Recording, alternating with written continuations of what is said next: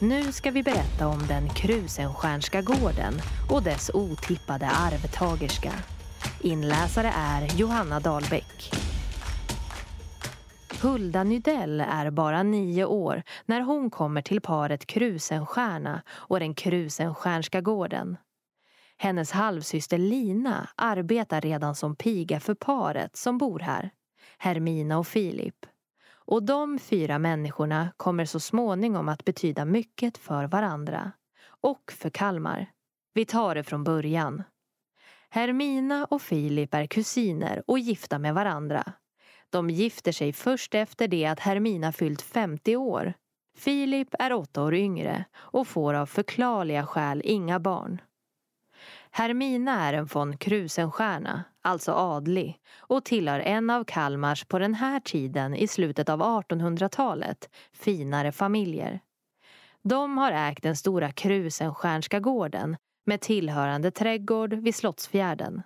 Men när Kalmar stad vill anlägga en stadspark tvingas syskonen Krusenstjerna att sälja både gård och mark. Och det är efter det som Hermina bestämmer sig för att köpa den här 1700-talsgården i Gamla stan, som än idag lever vidare som den Krusenstjärnska gården. Hon vill fortsätta att ha både hus och stor trädgård, precis som när hon växte upp och passar på att ha sticklingar och frön från blommor och växter i barndomsträdgården så att hon kan få dem att leva vidare i det nya hemmet. Filip då? Ja, det verkar inte som att det rådde någon himlastormande förälskelse mellan de två makarna.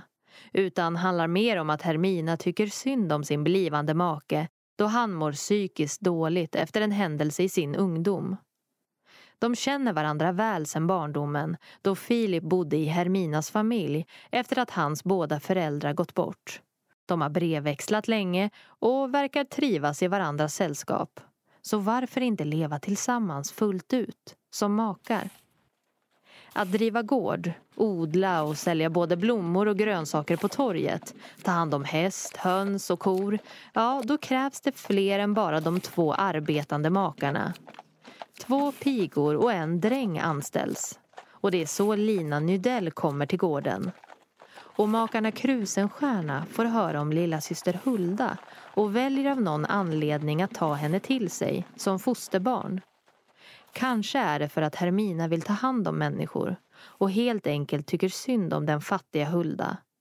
Kanske saknar de ett barn i huset att få ge kärlek och omvårdnad till och kan på så sätt få det. Makarna Krusenstjerna såg i alla fall Hulda som mer än en piga och vill gärna adoptera henne så att också hon ska få bära namnet von Krusenstjerna. Något som övriga släkten motsätter sig.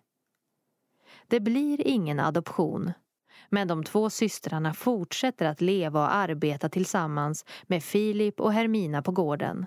Och det är Hulda som vårdar sina fosterföräldrar i livets slutskede.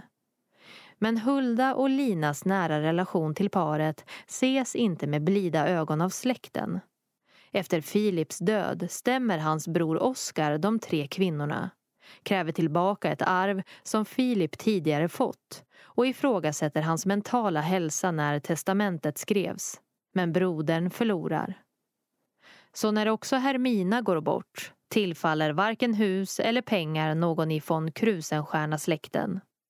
Istället är det Lina och Hulda som får dela på 18 000 kronor.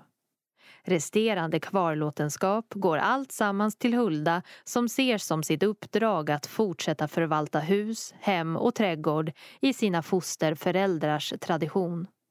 Och för att kunna fortsätta den traditionen ända in i framtiden, också efter sin död 1940, så testamenterar Hulda Nydell i sin tur inventarierna på gården till Kalmar länsmuseum.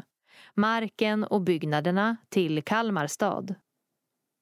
Precis som att Hulda och Lina bjöds in i det Krusenstjärnska parets hem då i slutet av 1800-talet bjuds nu vi alla, Kalmarbor som turister, in till gården för att ta del av hur livet kunde te sig för en familj i Kalmar kring det förra sekelskiftet.